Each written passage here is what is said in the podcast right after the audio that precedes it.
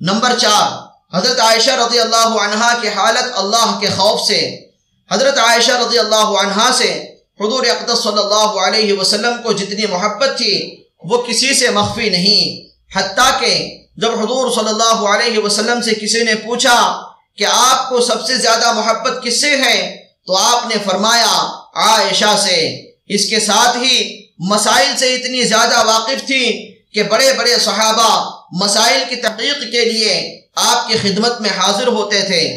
حضرت جبرائیل علیہ السلام ان کو سلام کرتے تھے۔ جنت میں بھی حضرت عائشہ رضی اللہ عنہا کو حضور صلی اللہ علیہ وسلم کی بیوی ہونے کی بشارت دی گئی ہے۔ منافقوں نے آپ پر تہمت لگائی۔ تو قرآن شریف میں آپ رضی اللہ عنہ کی براعت نازل ہوئی۔ خود حضرت عائشہ رضی اللہ عنہ فرماتی ہیں کہ دس خصوصیات مجھ میں ایسی ہیں کہ کوئی دوسری بیوی ان میں شریک نہیں۔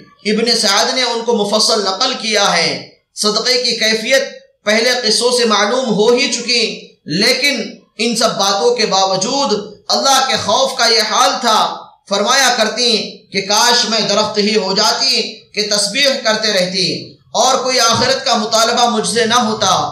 کاش میں پتھر ہوتی، کاش میں مٹی کا ڈلا ہوتی، کاش میں پیدا ہی نہ ہوتی۔ کاش میں درخت کا پتا ہوتی، کاش میں کوئی گھاس ہوتی، فائدہ اللہ کے خوف کا یہ مدر دوسرے باپ کے پانچویں چھٹے قصے میں بھی گزر چکا ہے۔ ان حضرات کی یہ عام حالت تھی، اللہ سے ڈرنا انہی کا حصہ تھا۔